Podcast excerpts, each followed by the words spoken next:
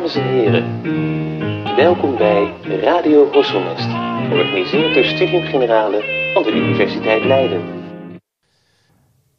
Beste luisteraars, welkom bij een nieuwe aflevering van Radio Horselnest. Ik ben uw gastheer Norbert Peters en vandaag schrijft bij ons aan wetenschapshistorica en wetenschapsjournaliste Geertje Dekkers voor een gesprek over de Delse microscopist Antonie van Leeuwenhoek. Afgelopen april verscheen Geertjes boek Veel, Klein en Curieus, de wereld van Antonie van Leeuwenhoek bij uitgeverij Het Spectrum. Eerder verscheen van haar hand onder meer Waanwijze Lasterbende, de geboorte van de wetenschap in acht Russies uit 2018. Als wetenschapsjournaliste schrijft ze voor verschillende tijdschriften en kranten, waaronder Historisch Nieuwsblad, Quest en de Volkskrant. Naar aanleiding van haar nieuwe boek gaan we vandaag in gesprek over de beroemde microscopist.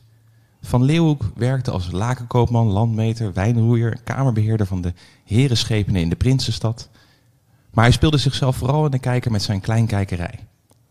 Evenals geleerden en tijdsgenoten zoals Nehemiah Grew, Robert Hooke, Jan Zwammerdam en Marcello Malpighi wende ook Van Leeuwenhoek zijn onderzoekende oog naar de microwereld.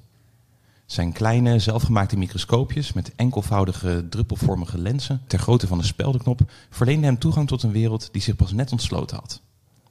Veel wist hij geprepareerd voor zijn lens te krijgen, van tandplak, speeksel en bloed en huidschilvers tot luizeneieren, facetogen van libellen, excrementen van een duif en het zaad van een haan, maar ook zaken als wieren, schimmels, wormen en regenwater. Op introductie van de geleerde Reinier de Graaf en Henry Oldenburg begon Van Leeuwenhoek een correspondentie met de Royal Society in Londen, die veel van zijn brieven zouden publiceren in het tijdschrift Philosophical Transactions en hem fellow maakte in 1680. We zijn zeer verguld dat Geertje Dekkers bij ons aanschrijft voor een gesprek over Antonie van Leeuwenhoek. Geertje, welkom. Dankjewel. Wanneer maakte je eigenlijk zelf uh, kennis met het werk van uh, Antonie van Leeuwenhoek? Antonie van Leeuwenhoek is een naam die je altijd wel een keer hoort. Uh, ik ben al heel lang bezig met wetenschapsgeschiedenis van de 17e eeuw. En in mijn vorige boek, het onderzoek daarvoor, kwam ik hem tegen omdat hij ruzie kreeg met iemand anders. En dat vorige boek ging over ruzies in de wetenschap. Omdat hij ruzie kreeg over de ontdekking van de zaadcellen. Wie ah, was ja. het eerste geweest? Daar heeft hij uh, met meneer Hartzoeker een groot conflict gehad. En toen heb ik voor het eerst brieven van hem gelezen. Want dat is hoe we de man vooral kennen. Uit de brieven die hij met name naar Londen, maar ook naar andere plekken in Europa stuurde. Ja, en, en er is nog een flink fikse ruzie geweest, toch? Met Hartzoeker. Ja, waarbij die ruzie toch wel vooral van de kant van Hartzoeker kwam. En dat had ermee te maken dat Van Leeuwenhoek de eer kreeg voor de ontdekking. En Hartzoeker daarover gepikeerd was. En Leeuwenhoek zich daar misschien wel een klein beetje arrogant verder niet al te druk over maakte. En dan, wat brengt je dan om, om zo'n boek te schrijven over, over, uh, over deze Delftenaar? Nou, eigenlijk zou ik daar uit mezelf niet zo snel aan begonnen zijn. Want mijn idee van de man was in eerste instantie toch wat saaier dan die is en dan die verdiende. Um, dus het was een idee van twee uh, Leeuwenhoek-onderzoekers, Douglas Anderson en Huip Zuidervaart. Zij zagen aankomen dat uh, nou, 2023 er aankwam. Dat is het jaar waarin hij 300 jaar dood is. En uh, zij vonden tijd voor een nieuwe biografie en stelden dat voor. En toen ben ik erin gedoken. En toen bleek die man zoveel interessanter en, en gelaagder dan ik had gedacht. Dat ik het met heel veel plezier heb gedaan. Ja, snap ik. En dan als we dan teruggaan in de tijd van, ja, kan je iets zeggen over de geboorte van Van, van Leeuwenhoek? Want, ik, want je schrijft in je boek, vond ik eigenlijk heel grappig, had ik nooit zo aan gedacht, dat hij dus ook is geboren in de Leeuwenhoek in Delft. Ja, dat klinkt heel groots, hè? De Leeuwenhoek. Ik weet niet waar je zelf aan denkt, maar um, het komt erop neer dat het huis, zijn ouderlijk huis, stond tussen twee steegjes in, aan een gracht. En dat ene steegje, de toegang naartoe, dat werd de Leeuwenpoort genoemd. Maar dat is dus gewoon de toegang naar een steegje. Dus wat minder groots dan het klinkt. En in de tijd dat die familie daar in dat huis woonde, gingen ze zich Leeuwenhoek noemen, van Leeuwenhoek. Dus waarschijnlijk komt het van dat uh, steegje. Ja, en, en wat voor familie moeten we dan een beetje aan denken? Best redelijk welgesteld. En die, uh, zijn moeder kwam uit een handelaarsfamilie. En die hadden het heel goed gehad, vooral in de 16e eeuw ook uh, voorname stedelingen geleverd en bestuurders en zo. Uh, dat was wat minder gegaan vroeg in de 17e eeuw, maar toch nog steeds een, uh, een nette familie, zoals ze dat toen zouden zeggen. En um, zijn vader kwam uit een familie van mandenmakers. Hij was zelf mandenmaker, zijn opa. En dat deed hij daar, in dat huis, of daar ergens vlakbij in de buurt. En dat ging goed opa van Leeuwenhoek, die, uh, die was het ook goed gegaan. En dan is het de vader van de vader, heb ik het nu over. En die had ja. wat uh, vastgoed, zouden we nu zeggen, gekocht. Wat huisjes hier en daar. Dus de familie was niet arm. Ook niet stinkend rijk, maar materieel hadden ze het uh, behoorlijk goed. En dan gaat hij eigenlijk in zijn jeugd, gaat hij niet Ehm, of tenminste, als ik het goed heb begrepen, hij gaat naar school toe. Ja, Maar hij gaat eigenlijk niet naar een typische Latijnse school toe waarin je een soort Misschien wel. kreeg. Oh ja. ja, ja. we hebben, zo is, ik speculeer, en dat moet, want de man kan schrijven, dat hij naar een soort nou, voorloop van de basisschool is geweest. Dat deed ook heel veel kinderen in Holland. In de 17e eeuw konden heel veel kinderen, volwassenen dus ook eh, lezen. En sommigen ook schrijven, dat was niet per se gekoppeld in het onderwijs. En we hebben één bron die zegt dat hij ook naar een Latijnse school is geweest, in Warmond.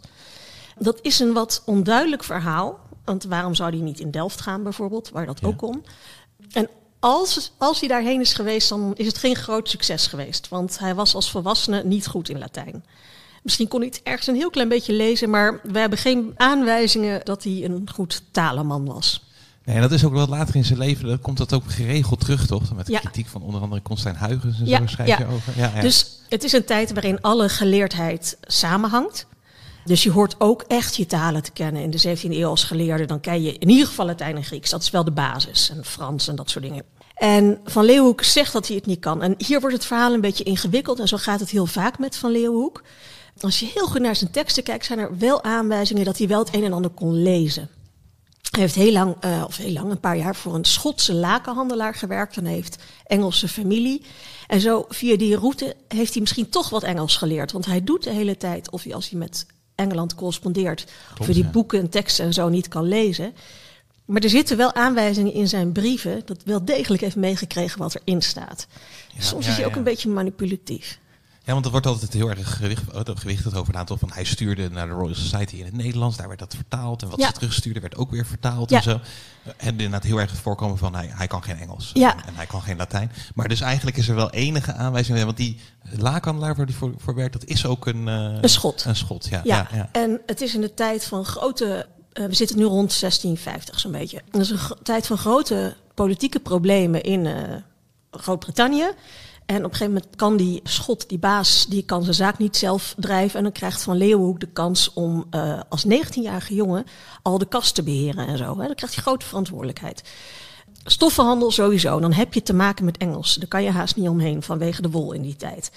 En als je dan vervolgens kijkt wat hij schrijft en wat hij doet, dan heeft hij bijvoorbeeld een tekst met plaatjes van de grote onderzoeker Robert Boyle. Misschien kennen luisteraars hem van de gaswetten die ze wellicht nog eens op school Ja, hebben ja. gehad. Die hoorden ook bij de Royal Society. En die had proeven gedaan met eh, opwaartse druk en water en lucht en zo. En Van Leeuwenhoek had iets soortgelijks gedaan. En hij zegt dat hij puur op basis van de afbeelding snapte wat er gebeurde. Kan eigenlijk niet. Als je naar die afbeelding kijkt, die is heel onduidelijk. Dus het lijkt er toch op dat hij ook die tekst een beetje begrepen heeft. En of dat nou was met hulp van iemand anders of niet, hij doet in ieder geval alsof hij minder van die woorden begrijpt dan toch waarschijnlijk het geval is. En hetzelfde geldt voor Robert Hooke. Robert Hooke werkt voor de Royal Society, heeft heel veel eh, microscopisch onderzoek gedaan, voordat Van Leeuwenhoek dat deed.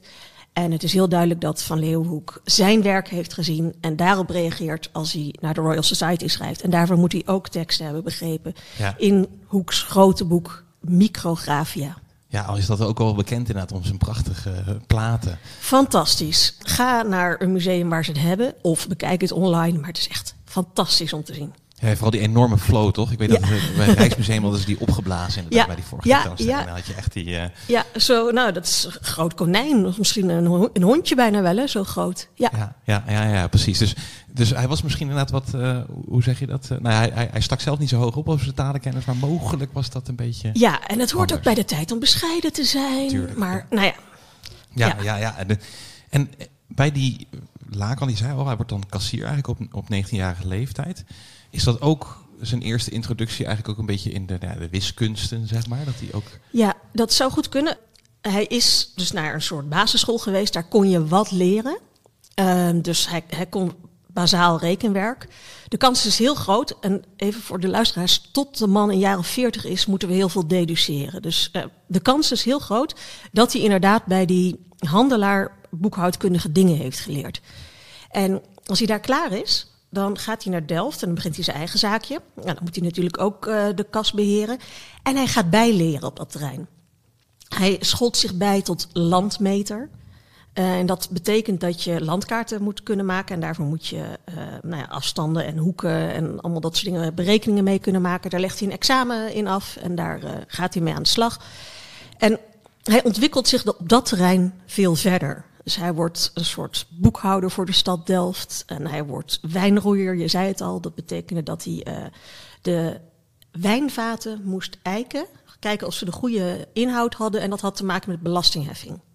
Oh ja, ja, ja. Want dat had ook iets te maken ook met de vorm, toch? Ja. Of zo? Dat was, Ja. Je had een soort basale wiskunde nodig om dat eigenlijk te kunnen berekenen. Kijk, een, een cilinder, dat leren we nog op de middelbare school hoe je de inhoud daarvan berekent. Hè? En Ja. als je iets verder gaat in de wiskunde, kun je op zich ook nog wel een wijnvat met zo'n bolle buik. Kun je dat ook. Maar daar moet je iets van wiskunde voor kennen. Overigens hadden wijnroeiers gewoon een stok die je daar diagonaal instak, waarmee je gewoon, wat, wat we nu een formule zouden noemen, heel makkelijk de inhoud kon deduceren. Maar je moest er een beetje voor kunnen rekenen. Oh ja, ja, ja. ja. En dat soort klussen ging hij heel veel doen. Dus hij heeft een tijdje een stoffenhandel gehad, maar dat heeft niet zo lang geduurd. En al snel ging hij allerlei meet, reken, boekhoudkunde, administratieve klussen doen. En daar is hij vooral zijn geld mee gaan verdienen. Ja, want hij, gaat dan ook een soort, hij wordt ook een soort curator toch, voor allerlei mensen die met eh, torenhoge schulden zitten. Toch? Ja, Onder- andere ja. die eh, Simon, eh hoe heet Ja, weer? de Simon Bourbon. De ja. Bourbon, ja. Ja, dat is een heel treurig verhaal. Iemand uit een welgestelde familie. Die krijgt goede erfenis. Het leven zou in theorie voor hem open liggen, maar hij verbrast zijn fortuin. En zijn familie gaat zich zorgen maken, vooral financieel. En dan krijgt Van Leeuwenhoek de taak om de financiën van die jonge man in orde te brengen, de, schuldenaren, de schuldeisers af te betalen en, dat is best wel hard, die jonge man naar Oost-Indië, zoals ze dat toen noemden, te sturen. En dat was niet heel fijn, want daar kwamen nog wel eens mensen om. En zo ging dat ook met Simon de Ja, hij is Bourbon. niet oud geworden. Hè? Hij is Nee, niet oud geworden. nee, hij is op zijn 33ste geloof ik eh, gestorven, maar kon zijn familie niet meer eh, in verlegenheid brengen. Ja, ja, ja, dus ook dat soort dingen. Dus hij gaat ook inderdaad op, op die manier inderdaad soort financiële zaken gaat hij, Ja. gaat hij, eh, afhandelen. En dat landmeten. Ja. Dat landmeten brengt hem ook op plekken waar er op een gegeven moment ook, nou ja, mi- waar hij ook spullen gaat halen die hij onder de microscoop gaat bekijken later, toch? Ja, er is een heel sterke aanwijzing dat hij bij het Berkelse Meer als landmeter inderdaad eh, in de weer was. Want daar ging, werd ingepolderd. In de 17e eeuw is er heel veel ingepolderd. En om dat administratief allemaal goed te doen, moest er dan land gemeten worden. Ja, natuurlijk. Ja. En in, eh, hij was daar in een septembermaand, toen er, ehm, sorry, augustus, eh, toen het warm was en toen er in het water een soort groenig-wittige wolkjes dreven. Blauwalg zouden we die nu noemen. En dat vond hij interessant. Dus hij heeft wat water eh, opgeschept in een flesje en heeft wat thuis voor zijn microscoop bekeken. En daar zag hij groene rankjes, noemde hij dat. Dus ja, soort takjes, opgekruld, die weer bestonden uit groene klootjes, bolletjes. En dat was dus blauwalg, denken we. En dat betekent dat hij daarmee als eerste bacteriën zag. Want blauwalg is weer een bacterie. Verwarrend genoeg, die naam klinkt misschien naar een plant. En dat is een van zijn eh, ontdekkingen die we achteraf heel spectaculair vinden.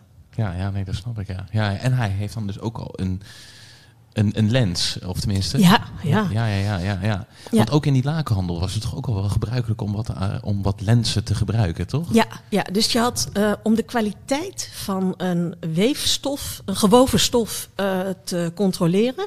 Keken lakenhandelaren, even laken dat is wollen stof in dit geval. Mhm. Keken lakenhandelaren met een klein lensje om de boel goed te vergroten of die weefkwaliteit goed was. Ah, ja, Dus- ja, ja. Van Leeuwenhoek heeft onder andere via die handel waarschijnlijk al heel vroeg kennis gemaakt met lenzen. Maar verder waren er in Delft op allerlei plekken lenzen te zien. Er was een brillenhandelaar. eh, De oudste microscoop van Nederland is in, eh, teruggevonden in Delft. Sorry, microscoop, telescoop. Excuus, belangrijk verschil. Maar in Dus- feite draai je hem gewoon om. Ja, het is hetzelfde. Ja, ja, Het, het is, het is een sterk vergroot ding met wat lenzen. Ja, Eh. Dus het, het- dat was er allemaal al. Ja. Ja, want dat is natuurlijk wel zo'n soort spookverhaal wat er over Van Mhm. Leeuwenhoek rondgaat. Hè? Want hij zou dan ook de eerste microscoop of zo, maar die zijn in feite al veel langer eh, Ja. in omloop, toch? Ja, ik had het net al even over Robert Hooke. Die had dat boek al geschreven. En Precies, lijkt een inspiratiebron voor Van Leeuwenhoek geweest te zijn. Dus er, er was al van alles gaande voor hij begon. En de grap is eigenlijk dat hij de microscoop heel erg versimpelt. Ja, ja Ehm, want hij gebruikt een enkelvoudige. Hij fout. Eigenlijk wat hij doet, is hij gebruikt een loepje. En, maar dan met een heel, heel kleine lens, die je daardoor heel, heel, heel sterk vergroot. Gevangen in wat metaal. Ja, het is een geavanceerd loepje. Meer is het niet waarmee die werkt. Ja, ja, opmerkelijk hè? Ja, Ja. ja. Ja, want je hebt dus ook al de samen, dus in zijn tijd is er al de samengestelde microscoop. Ja, het verhaal is zo rond 1608. Het is een heel ingewikkeld verhaal en we Ja. weten niet precies hoe het is gegaan. Maar rond 1608 is de telescoop uitgevonden. Nou, we zeiden net, als je de telescoop hebt, heb je een microscoop in feite. Maar met de telescoop gaan mensen heel snel aan de slag. Galileo Galilei is een beroemd voorbeeld. Die gaat daarmee en die gaat daar belangrijke dingen mee zien.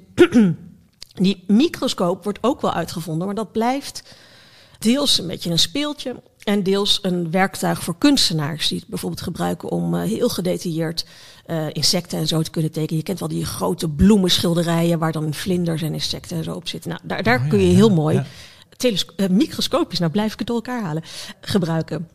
En het duurt tot de jaren 1660, dus zo'n meer dan 50 jaar later, totdat die microscoop, ik noem het even wetenschappelijk echt belangrijk wordt. Dat zijn de jaren dat Hoek ermee aan de slag gaat. Dat zijn ook de jaren waarin Van Leeuwenhoek waarschijnlijk voor het eerst geïnteresseerd raakte. Ja, inderdaad. Ja, je schrijft ook inderdaad een hele vroege periode dat er dan op een gegeven moment twee Italianen die gaan eh, voor de paus, als ik het goed heb, van Barberini, die altijd inderdaad wordt afgebeeld met zo'n met zo'n bijenkorf, met, met bijen. met Dat is een familiewapen. als familiewapen inderdaad. En die gaan dan ehm, die onder de microscoop Ja. bekijken. Ja, dus dan heb je mooie grote bijen. En dat is mooi. Maar het is ja, alsof je ze door een goed vergrootglas ziet. Ja, ja, Ja. ja. precies. Op een gegeven moment krijgt hij ook contact met ehm, geleerden in Delft, onder andere met, met Reinier de Graaf. Ja. Misschien eerst is, ja, wie is Reinier de Graaf? Dat is misschien eh, een beter begin. Nou, net als eh Anthony van Leeuwenhoek heeft hij een eh, ziekenhuis naar zich vernoemd gekregen. Klopt, ja. En ehm, misschien is het bij Renier de Graaf nog wel wat toepasselijk, want hij was arts. En hij heeft in Leiden gestudeerd. En in Leiden, daar moest je zijn in de jaren nou, 1660 onder andere, als het ging om vernieuwend onderzoek. Daar werd heel veel eh, anatomisch onderzoek gedaan en dat soort dingen. De Graaf heeft dus hier gestudeerd, heeft ook veel van dat vernieuwende onderzoek meegekregen, onder andere naar sappen in het lichaam. ja. En is uiteindelijk naar Delft gegaan, heeft zich daar gevestigd als arts. En heeft met Van Leeuwenhoek kennis gemaakt. En de graaf was een van de mensen die wist wat er in die microscopie zoal gebeurde. En hij kan een van de ehm, manieren zijn geweest waarop eh, Van Leeuwenhoek daarmee kennis heeft gemaakt. Ja, ja, ja, ja, precies. Want ik weet inderdaad, je hebt inderdaad Reinier de Graaf ziekenhuis inderdaad Ja. in Delft. Ja. En hij is, toch, hij is heel belangrijk geweest eigenlijk voor eh, toch een stukje van de menselijke voorplanting verduidelijken, toch? Ja, Hij- hij Absoluut, ja. ja. De follicels die in eierstokken zitten, die worden nog wel graafse follicels eh, genoemd, omdat hij die eh, als een van de eerste heeft beschreven. Ja, ja, ja, ja. En zo dus ook laat, liet zien dat mensen ook nou ja, eieren maken. Ja, dat is, eh, ja ook- dus hij zag de, de follikel, dat is net iets groter dan de eigenlijke eicel. Maar ja, dat was heel belangrijk. Een hele grote stap in de, de zoektocht naar hoe werkt dat nou, die voortplanting. Er was wel een idee. En dat die eierstokken er iets mee te maken had, hadden, dat was ook niet zo heel gek. Maar hij zag dus een heel duidelijke aanwijzing. Een aanwijzing die zijn vriend van Leeuwenhoek helemaal terzijde zou zetten. Uiteindelijk, hè? Ja. Ja. Ja, op het moment dat hij dan eh, gaat, eh, zich gaat bemoeien eigenlijk met dat vraagstuk. Met Ja. voor, rondom voorplanting. Ja. En je zei al even inderdaad van, het, eigenlijk is het elke keer tot, tot, tot hij een jaar of veertig is, is het wat, eh, wat gissen. Ja. Je beschrijft nog wel inderdaad dat er heel wat familie wel en wee is. Hij verliest ook bijvoorbeeld heel veel, heel veel kinderen. Ja, het is onvoorstelbaar. Hè? Ja. Die, die, tenminste, die, ja, dat, kun- dat is denk ik gewoon ja, dat is moeilijk in te denken. Ja. Want hij trouwt op een gegeven moment en dan krijgt hij vijf kinderen. En volgens mij eentje maar Eentje wordt volwassen. En de andere vier sterven ook echt heel jong. Dat is echt gewoon verschrikkelijk. Allemaal achter elkaar. Ja, hè? Drie Ja. zoontjes. En dat, die noemt hij allemaal naar zijn vader. Ze heet allemaal Philips. Dus je ziet het ene Philipsje naar het ander sterven. En ook nog één dochtertje. Het is echt verschrikkelijk. Ja, dat is onvoorstelbaar. Ja, en, en, maar je ziet inderdaad dus wel dat er zijn maar een aantal puzzelstukjes eigenlijk uit dat vroege leven bekend. En dan dus op toch wel vrij late leeftijd, al wordt hij uiteindelijk nog ook wel heel oud, gaat hij zich echt bezighouden met, met, met microscopie op, een- op, Ja. een, ja, toch op, op een grotere, eh, laten we zeggen, met, hij er meer tijd aan. Wat, wat gebeurt er dan precies? Waar, waarom, waarom is dat ineens zo? Nou, het eerste duidelijke feit dat we weten is dat die Reinier de Graaf een brief schrijft naar de Royal Society. En zegt, deze meneer eh, van Leeuwenhoek die heeft wel eens iets interessants om te laten zien. Dus hij schrijft een introductiebrief en laat wat zien wat Van Leeuwenhoek heeft gedaan. En dan rekent Van Leeuwenhoek meteen af met wat dingen die uh, Hoek volgens hem niet goed heeft ge uh, gezien. Oh ja, ja, ja. En uh, zo maakt hij zijn entree bij de Royal Society. En die zijn geïnteresseerd. En dat is het begin van een briefwisseling die 50 jaar zou duren. Want zoals je zei, Van Leeuwenhoek werd oud en heeft tot ongeveer aan zijn sterfbed met microscopen gewerkt in zijn vrije tijd. En af en toe had de Royal Society een vraag van, goh, hoe zit dit? Kijk daar eens naar, naar bloed of zo. Of naar zaad. En dan gaat hij dat onderzoeken. Maar ook heel vaak zit hij gewoon zelf een beetje rond te kijken. Komt er af en toe eens wat voor zijn lens en stuurt hij een brief. En die wordt dan naar Londen gestuurd en vertaald en in de, in de tijdschrift gezet. Ja, want je beschrijft het ook, hè, dat die echt uh, sommige brieven die uh, uiteenlopende onderwerpen. Je zou denken, hij bijt zich in één stuk vast, dan gaat hij dan uh, beantwoorden. Maar het is echt van alles en nog wat. Hè? Ja. Van, van kokelspalmen onder de loep nemen tot, nou ja, je kan zo gek niet bedenken Ja. eigenlijk. En, en er zitten lijnen in. Maar hij helpt zijn, le- eh, zijn lezer niet om die te vinden. Dus hij heeft een paar heel grote thema's. En voortplanting is er een van, ook voortplanting bij planten. De manier waarop planten functioneren, dus de vaten die daarin zitten en zo. Dat zijn dingen waar hij heel lang veel naar kijkt. Maar in zijn brieven gaat het echt van, oh kijk, ik heb dit gekeken, god, het ziet er zo interessant uit en zo en zo is dat. Oh, en weet je, dat heb ik ook gezien. Dus hij, gaat de hele tijd maar van het een naar het ander. En dan in de volgende brief kan hij wel weer ergens op terugkomen. Dus eh, ja, je moet zelf eh, een beetje speuren om die lange lijnen te zien. Want hij heeft nooit een boek geschreven of een overzichtsartikel of iets wat wetenschappers nu zouden doen. Nee, er zijn alleen op een gegeven moment van die briefedities, toch? Ja. Van, eh, ja, ja, ja, ja, ja. Ja, dus hij, die brieven die van de hak op de tak springen, ehm, die bundelt hij op een gegeven moment en die eh, laat hij verkopen. Ja. En dan, en dan aan het begin doet hij ook heel geheimzinnig over wat hij precies.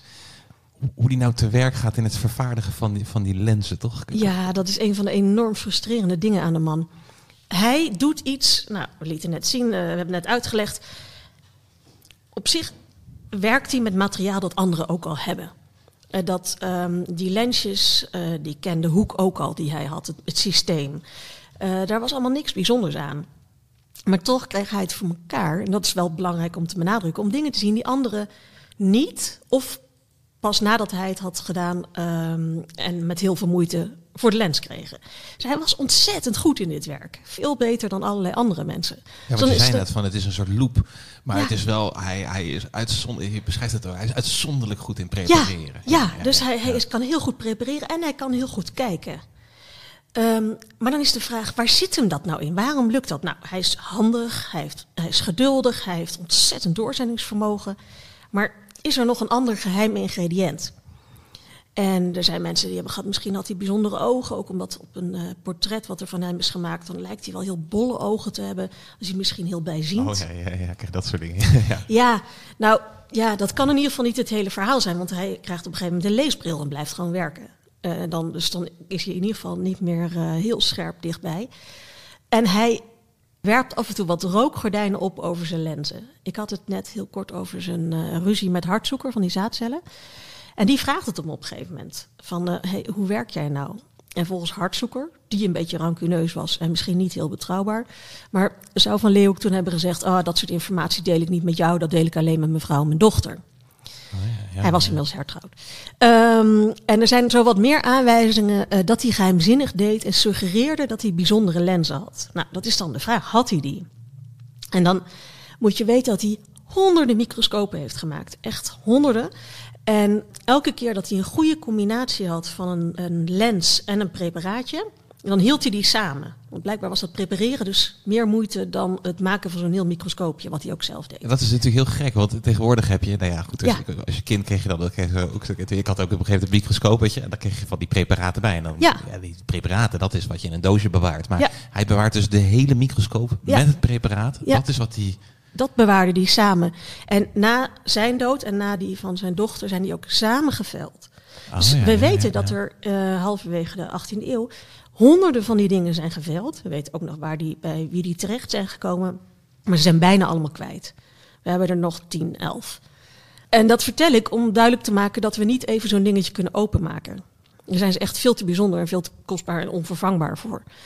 Nu is er vanuit Museum Boerhaven en de TU Delft onderzoek gedaan bij twee van die dingen om te kijken, goh, zit daar misschien een heel bijzonder lensje in? Een scantechniek waarmee je door het metaal van die microscoopjes heen kan kijken. En het resultaat daarvan was uh, ja, teleurstellend in de zin, er was helemaal niks bijzonders aan die lensjes. Nu zijn dat twee van de honderden microscopen. Het kan, toeval, uh, kan een toevaltreffer zijn dat dit net uh, twee onuitzonderlijke waren. Maar één van die twee is wel een topmicroscoop. Uh, waarvan de lens bijna 270 keer vergroot. En dat is wel de max wat je met zo'n lensje kan ja, halen. Ja, een enkelvoud lens kan halen. Dus ze ja. zitten bijna aan de max al in ja. die tijd. Ja, uh, ja. dus uh, ja, dat is toch een beetje een suggestie dat het misschien niet daarin zat. Maar ja, we, weten, we zullen het waarschijnlijk nooit zeker weten. Tenzij er ineens nog uit allerlei hoeken en gaten um, echte microscoopjes komen opduiken. Dus mensen, als je iets hebt, een metalen plaatje met een klein gaatje en wat stelschroefjes of zo. Kijk eens wat het is. Ja, ja. dan zouden we heel blij zijn. maar dat is, en, en hoe gaat dat dan wel in? Want hoe maakte je dan zo'n zo'n lens? Hoe ging dat dan wel? Uh, um, weten we dat? Ja, ja uh, dat is ook beschreven. Um, je kon uh, slijpen, dat is, uh, dat is wat veel gebeurde. Maar voor zo'n heel klein priegellensje was het waarschijnlijk handig, was het handig om een heel dun uh, glazen buisje te nemen. En dat in een vlam te steken van een kaars, zodat het op ging krullen. En dat je zo een klein glazen gesmolten bolletje kreeg. En dat zat dan nog net aan dat staafje vast. En dat moest je even losbreken en een beetje bijwerken. Nou, het, het, het litteken zeg maar, van dat losgebroken staafje, dat was in een van die twee microscopen bijvoorbeeld te zien. Ah, dus zo ja, ja, heeft Van ja. Leeuwenhoek in ieder geval een van die twee gemaakt. Ja, ja. En, en dan werden die, werden die daarna nog dan, want dan heb je in, in feite dus inderdaad een soort glazen kraal. Wordt dan nog, behandelt hij dat nog op een bepaalde Nou, manier? je kunt een beetje bijpolijsten en dat soort dingen. Um, en hij moet er gewoon heel veel hebben gemaakt. Want je snapt dat je op deze manier niet onder controle hebt hoe sterk die lens wordt. Ja, ja nee, zeker. Dus hij zal een beetje geëxperimenteerd hebben. Want niet voor elk preparaat is het heel handig om de allervergrotende lens te hebben. Soms wil je ook juist een beetje overzicht hebben en daarom een minder vergrotende lens. En um, er zal af en toe roet in hebben gezeten of luchtbellen. Dus hij heeft er waarschijnlijk een heleboel gemaakt tot hij een goed exemplaar had dat passend was voor um, een preparaat. En dan een beetje bijgeveld en tussen twee metalen plaatjes gezet. Met aan allebei de kanten een gaatje, zodat uh, er licht in de lens kon vallen en je aan de andere kant ernaar kon kijken. En dan een, een prikkertje ervoor, zodat je daar een vliegvleugeltje of iets kon doen. En dat was de basis van zijn microscoopjes. Ja, en dan, en dan hield hij dat dan ja, bij kaarslicht of zo, toch? Zo, Ja, nou dat was een van de dingen uh, die ons verbaasd heeft. Uh, ons is een uh, project, de, het heet Visualizing the Unknown, waar Ja, ja. ik mee mee mocht kijken. Waarbij we waarnemingen van allerlei 17e en 18e eeuwse microscopisten nadoen. Onder andere die van Van Leeuwenhoek. En Van Leeuwenhoek schrijft in zijn brieven dat het handig kan zijn om bij kaarslicht te kijken. En ik dacht, dat is raar, dat lijkt me heel uh, onduidelijk licht. Kun je toch veel beter buiten doen. Ja. Maar dat blijkt dus als een dolle te werken. Op een of andere manier is de combinatie van de lichtinval en het contrast heel goed. Grappig is dat. Ja, ja, ik was echt verbaasd. En heb je dan ook, dat beschrijf je vol- volgens mij, je hebt ook zelf proberen zo te prepareren, zo Ja. te prepareren. Was dat echt, echt zo erg? Ja, zo- maar dat zegt ook iets over mij hoor. Maar ja, ik had een. Uh, er was bij mij op de vensterbank een bijendood gegaan. En dat is een van de eerste dingen die uh, Van Leeuwenhoek heeft bekeken. Of in ieder geval een van de eerste dingen waar hij over schrijft. Dus ik dacht, nou, dat is een kans om het ook te doen. Ja, dat, probeer het maar eens met een, een, een vliegenpootje of een bijenpootje of een. Uh, om dat op een prikker te krijgen. Nou, dat gaat natuurlijk niet, dus je moet iets met uh, was. Of nou, ik had van zo'n posterplakspul. En dan, omdat het lensje zo ontzettend klein is, moet je het op een heel goede exacte afstand voor die lens krijgen. Maar die constructie van, ik werkte met een replica voor de duidelijkheid. De constructie van die dingen is ook weer een beetje gammel. Dus dat is dan heel moeilijk en dan moet je het goed voor je oog houden. Nou, het werd me heel duidelijk dat de factor geduld een grote is in dit verhaal. En daarnaast ook handigheid. En nou ja, uh, Van Leeuwenhoek had daar duidelijk meer uh, affiniteit mee dan ik. Ja, en, en je, je beschrijft ook zelfs dat hij dat die in een soort, uh, dat hij ook, om, om dat rustig te kunnen doen, dat hij ook in, in dat huis waar hij dan op een gegeven moment woont, het Gouden Hoofd, dat hij daar ook een soort voorloper heeft van een kantoor. Ja, ja, ja nou dat is waarschijnlijk een overblijfsel van de stof, stoffenhandel. Ja, Want ja, ja. het woord kantoor komt van comptoir, tel, een telplek. Net als wat ook nog in onze computerkoep zit. Ja. En dat was een uh, afgezet deel van de slaapkamer op de eerste verdieping. En daar had hij inderdaad een uh, nou, klein laboratoriumpje. En daar ontving hij ook heel veel mensen die heel nieuwsgierig waren naar wat hij deed. Hij werd een uh, attractie. Ja dat, ja, dat beschrijf je ook inderdaad. Dat hij op een gegeven moment echt een hele hoop inderdaad verschillende bezoekers over de vloer krijgt. Ja. net nog even in het voorgesprek zei je ook nog terecht van ook dus waarschijnlijk Peter de, Tsaar Peter de Grote. Is ja, die is niet bij hem geweest, maar hij was op een schip in de buurt. En daar Ah, is ja. Van Leeuwenhoek naartoe gegaan, waarschijnlijk. Ja, ja, ja, ja. ja, ja. En het dan- gekke is dan weer dat Van Leeuwenhoek daar dan weer niet over schrijft. Dat hebben we uit een andere bron. Ehm, dus hij is af en toe wel trots dat hij ook andere gekroonde en ongekroonde hoofden op bezoek heeft gehad. Maar Peter de Grote, dat vermeldt hij nergens. Dus dat is een reden om daar misschien een klein beetje aan te twijfelen. Ja, om daar inderdaad aan te twijfelen. Maar niet te min inderdaad, er, komt, er komen een hele hoop mensen komen naar Delft toe. Ja. Speciaal om op bezoek te gaan bij deze, bij deze microscopist. Ja, Ja, en, en kan je wat voorbeelden doen van ook, je zei al inderdaad, hij, hij, hij duidt dus ook al in grotere onderwerpen of onderwerpen waar hij meermaals op terugkomt. Maar hij, hij lijkt ook al inderdaad zoiets te hebben van, ik, ik, ik wil ook gewoon alles bekijken onder die Ja. microscoop. Toch? Ja. Ehm, nou, alles wat los zit aan zijn lichaam of enigszins los zit aan zijn lichaam bekijkt hij. Eh, en dat zijn haren, ook haren van zijn pruik. Eh, ehm, want het was, nou, we zitten in de pruiktijd. Hij, ehm, mijn favoriete verhaal is dat hij ooit heeft geprobeerd maden zijn oorsmeer te laten eten. Ja. Kijken of dat werkt. En dat, wordt, nou, dat lukt dan niet. Dus dan legt hij er lapjes vlees op. Hij is daar dagen mee bezig. Dat is echt het goorste wel zo'n beetje wat hij doet. Ehm, tandplak, waar die bacteriën in zit. Maar ook tandplak van een man in Delft die nooit zijn tanden poetst. Want hij zelf was een vervent tandenpoetser. Ja, hij toch? was heel trots op de stand van zijn tanden. Dat hij, eh, ja, hij poetste het met zout en met een katoenen doek en zo. Maar hij, gaat, hij is dan niet er vies van om bij iemand die dat nooit doet... even goed in de dikke laag op zijn tanden te prutten. Nou, zijn eigen sperma, heel veel. Het moet wel netjes uit de echtelijke coitus. Want uh, nou, masturberen en zo, dat mag niet.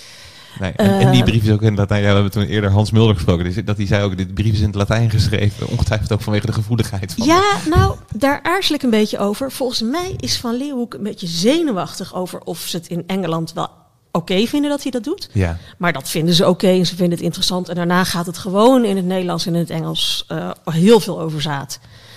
Ja, het kan een beetje voorzichtigheid zijn geweest, mogelijk. ik denk het wel. Ja, Ja, ja, ja, ja, dat is, die stuurt je inderdaad eh, in het Latijn als enige brief. En je schrijft ook inderdaad in je boek terecht van arme vrouw. Moest dus Volgens Van Leeuwenhoek zelf had hij het binnen zes hartslagen, dus zes hartslagen na de ejaculatie, eh, voor zijn lens. ja, ja, ja, dat is onge- ongekend snel. Ja, Maar er is ook wel iets... Hè, dat, dat eigenlijk zijn werkmethodes, omdat hij dus ook wel wat rookgordijnen opgooit en zo naar zijn hartzoeker. En, en toch ook al een beetje doet alsof hij op een soort bedrijfsgeheim zit. ja. Als een soort Coca-Cola company, zeg maar. Ehm, dat, het, dat levert er wel wat problemen op, kan ik me voorstellen, met die Royal Society ook. Want die- ze willen toch ook wel kunnen reproduceren wat hij ja, ziet. Ja, en, en daar, dat is dus heel dubbel. Ehm, hij, hij stuurt ehm, bijvoorbeeld preparaten op. We hadden het er net al even over dat die preparaten eigenlijk de crux zijn. Die stuurt hij naar Londen. En hij geeft ook kijktips. Van gebruik eens een kaars. Of ge- gebruik, eh, kijk niet richting de zon, maar wel eh, naar, richting het daglicht. Dat soort dingen. En daarnaast doet hij dus geheimzinnig over die lenzen. Terwijl Hoek, want dat is degene met wie hij dan in feite soms indirect correspondeert, die lenzen al lang kende. Die hij waarschijnlijk in feite had. Maar voor de Royal Society is het wel cruciaal dat ze zijn waarnemingen kunnen observeren. Want in die zin zijn zij eh, nou, voorlopers van de huidige wetenschap. Eén waarneming is niks. Je moet een experiment kunnen herhalen. Eh, anderen moeten het ook kunnen zien. Dat is cruciaal. Dus als hij met hun wil meetellen, dan moet hij ook meedoen in dat procedé. En moet hij dus zijn geheime prijs geven. Maar dicht bij huis doet hij dus af en toe heel geheimzinnig. En, en hoe vergroot hij dan de geloofwaardigheid van, van zijn bevindingen? Do- doet hij daar wel moeite voor? Ja, eh, nou, hij, hij stuurt dus die preparaten op. Hij geeft die kijktips en eh, hij laat tekeningen maken. Ja, ja, ja, precies. Ja. En dan kunnen mensen eh, zien wat ze waarschijnlijk ongeveer moeten zien. Hij zegt dat hij zelf niet goed kan tekenen. Ik vind dat zelf heel erg meevallen. We hebben een tekening van hem van hout, een doorsnede. Die vind ik echt ja. heel mooi. ja, die ligt ook in de tentoonstelling Ja. trouwens nu in, in Boerhaven. In Museum Dat- Boerhaven. Ga kijken mensen. Ja, onvoorstelbaar. Ja. Tot nog tot 7 januari. Ja, Ja. ja.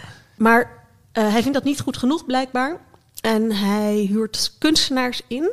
En die uh, kijken dan met hem mee en maken uh, afbeeldingen daarvan. En dat heeft als tweede voordeel, behalve dat hij dan die afbeeldingen heeft, dat zij ook al mee hebben gekeken. En dat is dus een.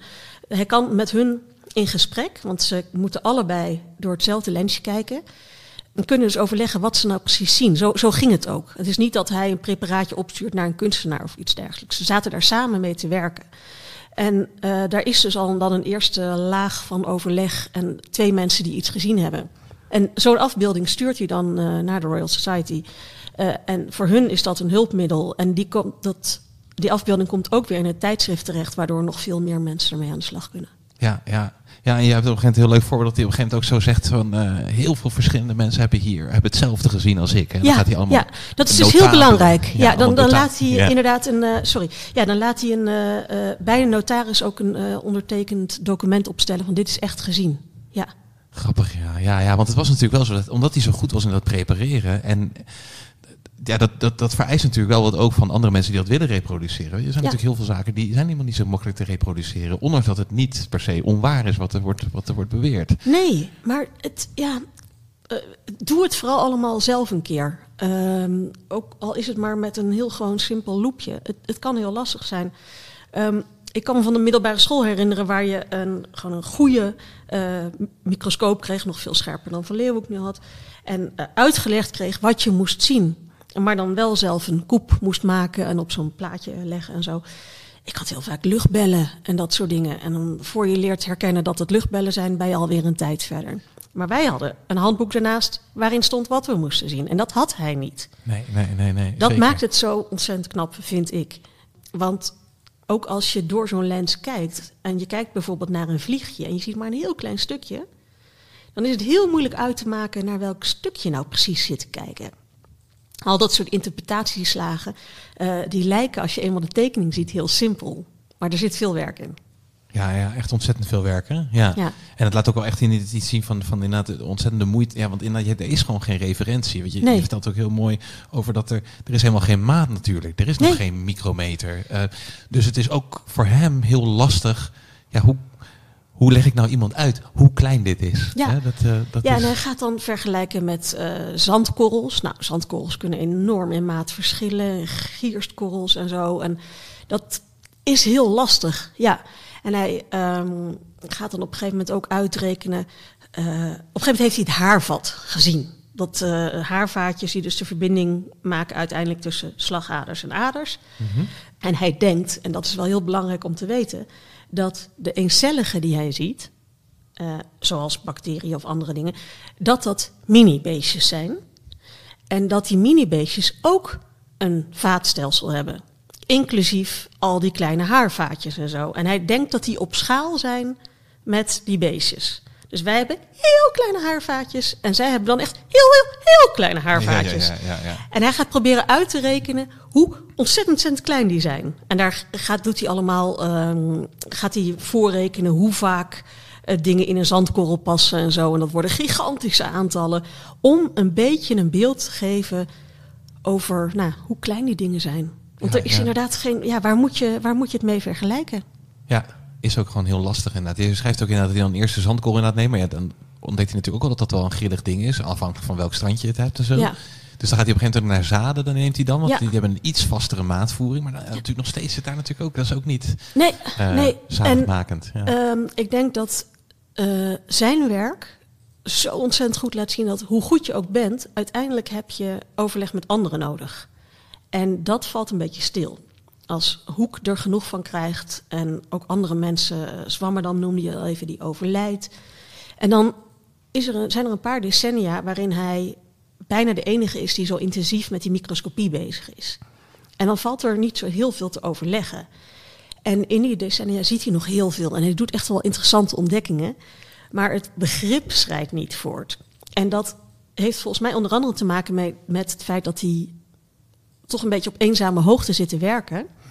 En dat om met anderen te overleggen, moet je dingen kunnen standaardiseren en om te begrijpen waar je het over hebt. Dan is een tekening leuk, um, maar dan wil je eigenlijk ook maten hebben. Nou, een van de cruciale ontwikkelingen na Van Leeuwenhoek's dood is dat mensen daar methodes voor ontwikkelen. Dat de micrometer een bijvoorbeeld een gestandaardiseerde maat wordt voor de microscopie en dat soort dingen.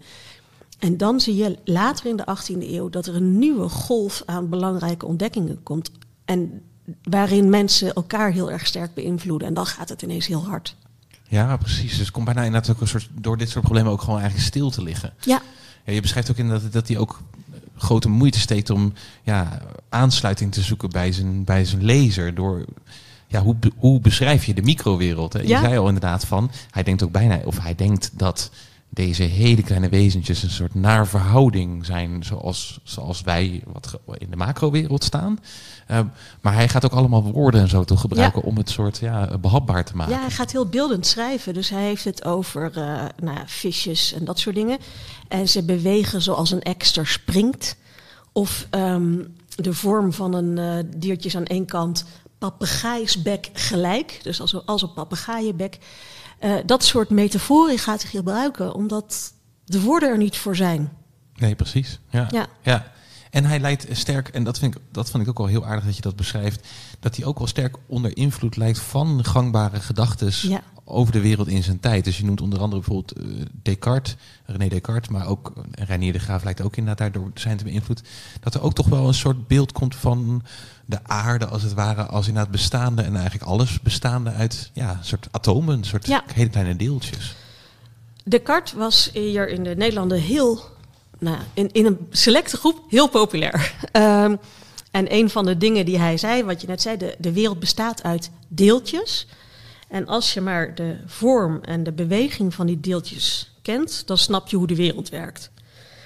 En voor Van Leeuwenhoek was dat een motivatie om die microscopie te beoefenen. Want hij hoopte in eerste instantie die deeltjes te gaan betrappen. Die bouwstenen, ja. Ja. Ja, natuurlijk, ja. En eh, hij komt er op een gegeven moment wel achter dat dat niet gaat lukken. Als je die deeltjes ziet als voorlopers van onze moleculen en atomen, snap je dat dat niet gaat. Maar hij blijft wel vasthouden aan het idee. En even, even wat jaartallen. Descartes stierf in 1650. En ehm, dan is hij rond die tijd. Dus heeft hij heel grote invloed. Maar binnen een paar decennia wordt toch wel duidelijk dat zijn wereldbeeld ook heel veel beperkingen heeft. Maar Van Leeuwenhoek, die in die vernieuwing van, eh van Descartes in die periode heel enthousiast is geworden, die blijft daarin zitten. En blijft daar ook een beetje in vastzitten. En zijn wereldbeeld is een beetje een, ja, ik vergelijk, het graag met Lego-stenen. Een Lego-stenen wereldbeeld waarin die eh, deeltjes functioneren als een soort Lego-stenen. En waarin alles een soort groot bouwpakket is. ja, ja. En waarin eh, scheikundige dingen uitleggen bijvoorbeeld heel moeilijk is. Want dan gaat het ineens niet meer zoals met Lego-steentjes. En daarin loopt hij ook een beetje vast. En dat zeg ik met heel veel aarzeling, omdat dat ook heel flauw is om de man te verwijten. Want het was ook heel logisch, maar het is dus een reden waarom hij aan de slag gaat. En, en waarom hij bevlogen is. Maar het is ook een beperking. Ja, ja, want ja, ik vind het wel prachtig dat je dan zo in, in, in het boek heb je ook een plaat daarvan staan. Dat hij dan op een gegeven moment ook zo'n globule of zo'n soort wereldbol Ja. gaat maken in een, in een vat of zo. Ja, Ja. je moet maar uitleggen. Ja. Van Leeuwenhoek is onder andere ook bezig met zaken als luchtdruk en zo. Eh, dat was in de eerste plaats een hot thema sowieso eh, bij de Royal Society en dat soort mensen. En als je bedenkt dat hij op zoek was naar die deeltjes van de kart, dan is het ook wel te begrijpen. Want luchtdruk draait om bewegende deeltjes. Dat, dat had men al wel door.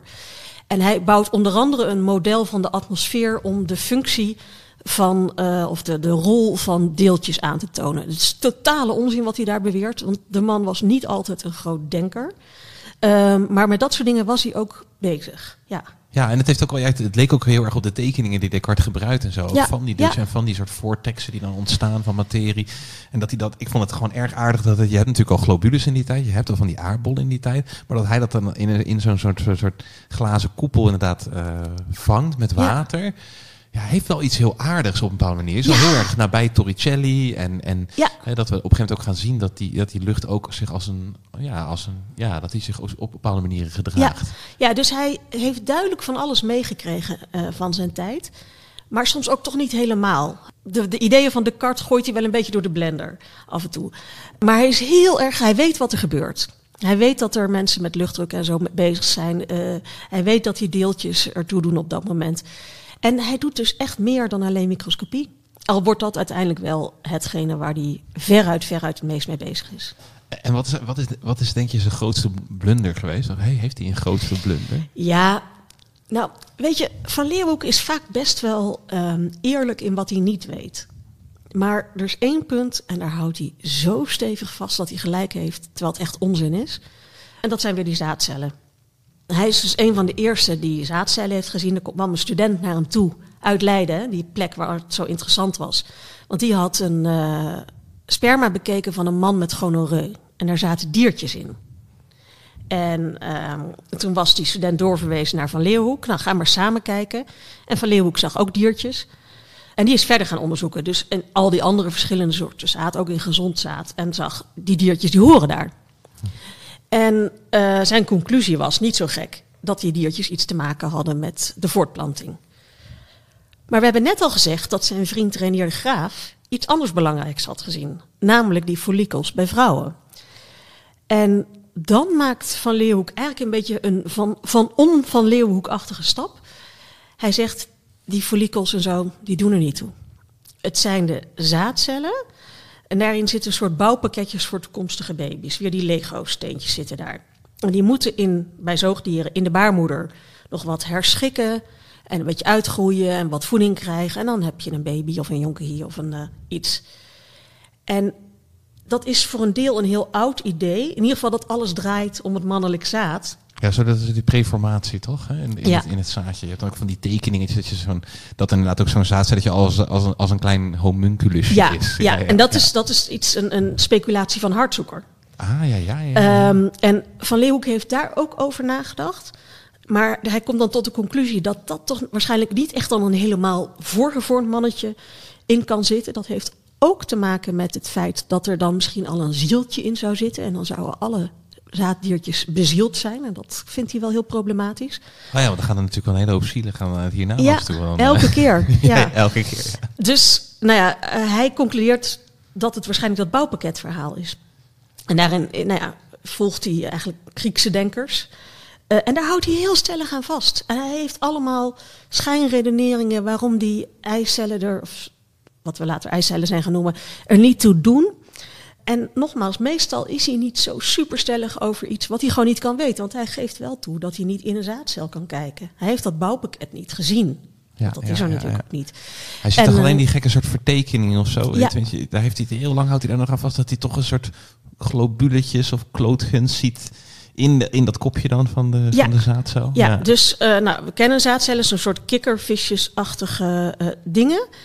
En hij heeft tekeningen gemaakt waarin de kopjes inderdaad heel erg vervormd zijn. En we hebben met Visualizing the Unknown naar zaadcellen gekeken, heel veel. en ja, we snappen niet wat daar is gebeurd. Misschien is er wat ingedroogd geweest of iets dergelijks. Uh, maar dat is, het, uh, het is heel moeilijk om die kopjes echt te zien, want die zijn heel klein. En om daar een vorm in te onderscheiden, dat, nou ja, dat lukt je eigenlijk niet. Dus dat is een van de raadsels. Wat heeft hij daar nou gezien? Ja. Het is heel moeilijk om een vorm te zien in zo'n zaadkop met het soort lens dat hij had. Ja, en hij gaat ook van allerlei dieren, gaat hij toch ja. op een gegeven moment gaat hij ook de zaad verzamelen. Ja, en niet altijd op prettige manieren. Nee, nee, nee, nee. Nee, nee. nee sowieso de vreedheid tegen dieren. Oh, ik vind man. dat bij die Ranier de Graaf ook. Ja. Dat vertel je toch op een gegeven moment dat hij dan de alvleesklier onderzoekt van een hond. En dan heeft hij een handigheidje bedacht omdat dat dier dan niet kermt. En dan, ja, dus dat dier kermt en dan snijdt hij gewoon een deel van de keel door zodat hij niet meer kermt, maar nog net wel blijft leven. Nee, het is echt verschrikkelijk geweest. Ja, uh, het, uh, het schijnt dat het aantal uh, straathonden in Leiden uh, zo halverwege de 17e eeuw wel wat lager was dan normaal. Want die werden gewoon echt heel veel gebruikt. Ja, ja, en ja, je kunt misschien nog wel iets legitimeren dat je dieren gebruikt voor onderzoek. Maar op een gegeven moment wordt het ook wel heel erg voor allerlei demonstraties. Dat het helemaal niet meer nodig is. Gewoon kijk, zo werkt dat. Ja. Uh, het proefdierengebruik zou uh, ja, niet meer door een ethische commissie komen. Nee. De mate waarin dat toen gebeurde. Al vind ik wel dan weer van Leeuwenhoek heel wetenschapperachtig dat hij de hele tijd zijn eigen lichaam aan onderzoek onderzoekt. Ja, ja nee, over, hij, daarin is hij heel sportief. Hij uh, is niet kleinzinnig zelf. En hij schrijft ook op een gegeven moment dat hij zichzelf hecht en zo. Ik kan het niet anders lezen, die passage. Het is zo vreemd. En dan zegt hij, ik heb een sneetje, nou dan naai ik het dicht. Okay. Ja, uh, was zeer je, stoer wat dat betreft. Moet je, moet je kunnen. Ja, en je hebt dat hele, dat hij dan op een gegeven moment wil weten hoe snel luizen zich ver, vermenigvuldigen toch of zo. Dan heeft ja. hij, wil hij eerst nog een klein straatschofje wil hij daarvoor toch op gebruiken. Maar dan... Ja, ja, dan um, uh, hij heeft een onderzoek bedacht met luizen in een sok. En hij had dan eerst gedacht, uh, ik neem een weeskind, die betaal ik wat. En dan uh, moet dat kind maar met die luis in die sok rondlopen. Het ging het om de voortplanting, hoe snel die zou gaan. Uh, maar toen dacht hij, ja, dat is toch wel een beetje gemeen tegen dat weeskind. En ehm, ja, misschien is zo'n kind ook niet zo heel betrouwbaar. Doet hij een keer zijn sokken uit of zo. Dus ik doe het zelf maar. Dus hij loopt tijden met die beestjes op zijn been. En dan gaat hij eitjes stellen en jonkies stellen. En dan komt hij erachter dat er veel uh, nieuwe eitjes ontstaan. En op een gegeven moment heeft hij er ook helemaal genoeg van. En dan trekt hij die kousen uit en gooit hij ze uit het raam met luizen en al. Oh ja, ja. Ja. ja, hij is nieuwsgierig. Maar op een gegeven moment moet het natuurlijk wel... Uh, ja, mag er wel een einde aan komen aan dat soort dingen. Ja. Zo, ja, ja, ja. En er is één verhaal, dat vond ik wel echt heel zielig. Hij is ook heel erg geïnteresseerd in huid. Dus hij haalt regelmatig bij zichzelf uh, huid weg. En dan is er een meisje, een zwart meisje in Delft. Nou, dat is best opmerkelijk in die tijd. Uh, haar ouders, voorouders, verre voorouders, zijn in West-Afrika gevangen genomen. Die mensen hebben als slaaf moeten werken in uh, Nederlands-Brazilië. En zij is op de een of andere manier, met, waarschijnlijk met voormalige eigenaren, in Delft beland. En hij vindt dat interessant. En hij wil weten waarom haar huid zwart is. En hij gaat dus een beetje van haar afschrapen. En dan zegt hij, ja, ik deed heel voorzichtig. Ja, het ging toch een beetje bloeden.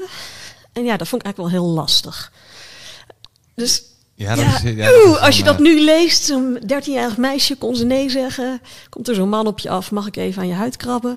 Ja, Het, eh, ja. ik ja, ja, dat is, dat is, ja, nee, ik, ja, dat is onwerkelijk. Ja. Ergens ook wel. En het laat wel zien dat hij, hij is ook wel, hij laat zich ook wel heel erg drijven door die nieuwsgierigheid. zeg Maar dat het, Absoluut. ah, Ja. dan is alles wel inderdaad op een gegeven moment nieuwsgierig. Nee, maar inderdaad ook dat is natuurlijk wel, is natuurlijk ook bizar inderdaad dat iemand naar je toe komt en die wil dan je Ja. huid onder de microscoop bekijken. Ja, ook ja. heel raar om mee te maken, ja.